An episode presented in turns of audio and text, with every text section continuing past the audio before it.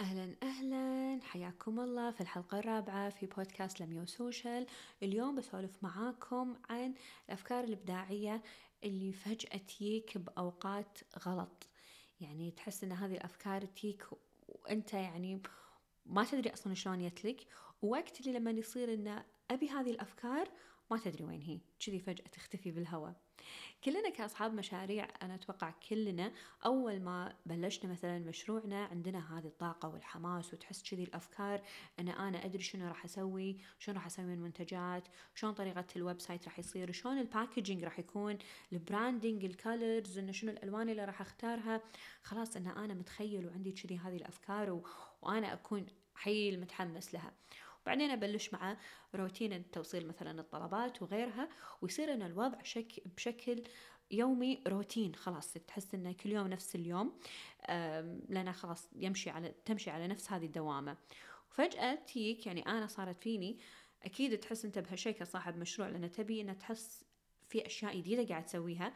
تبي تفكر مثلا منتجات جديدة تبي مثلا أفكار جديدة بس ما أنت قادر تفكر.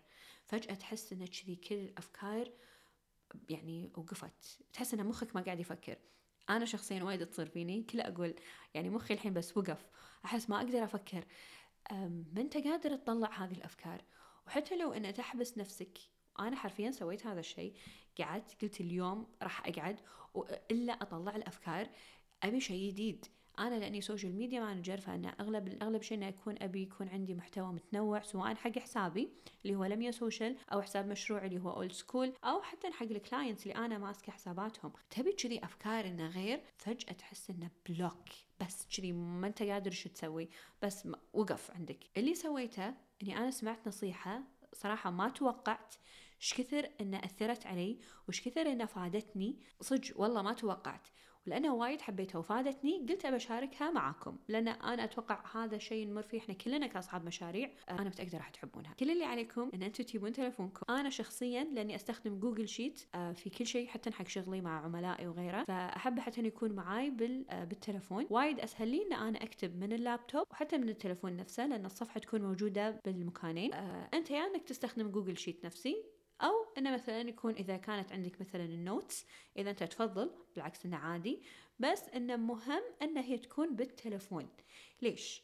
لأن تلفونك معاك وين ما تروح. حرفيا وين ما تروح. يعني مع إني أنا old school وعندي brand اسمها Old School وايد أحب الورقه وقلم بس نصيحتنا اليوم لا راح نستخدم التكنولوجيا يعني نعمة التكنولوجيا هذه آه، لأن هي هو الجهاز معاك وين ما تروح فما راح يكون عندك عذر إنك أنت ما تكتب. كل اللي عليك تسويه إنك أنت تفتح صفحة. أنا صفحتي مسميتها bank of ideas الهدف منها إن أنت تكتب أي فكرة تطري على بالك وين ما أنت تكون. سواء أنت بمطعم سواء أنت طالع بيمعة بعزيمة بالسينما بالطيارة بالسوق بأي مكان تطري عليك مثلا فكرة أو أن لقيت مثلا أنه شيء حلو ممكن أنه يساعدك حق مشروع تكتبها وبعدين عقب مدة راح تستوعب إن هذه الصفحة انترست. راح تكون عندك كذي وايد أفكار. لما أي وقت يصير فيك إنه ودي كذي بفكره جديدة أبي كذي شيء غير لأن أحس إنه خلاص إنه مخي وقف كل اللي عليك تسويه إنك أنت ترد تفتح هذه الصفحة وراح تستوعب إن إيش كثر عندك كذي مواضيع وايد. يصير فيك إنه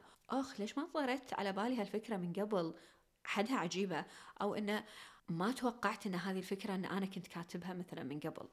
فهذا الشيء وايد وايد وايد ريحني وايد سهل علي.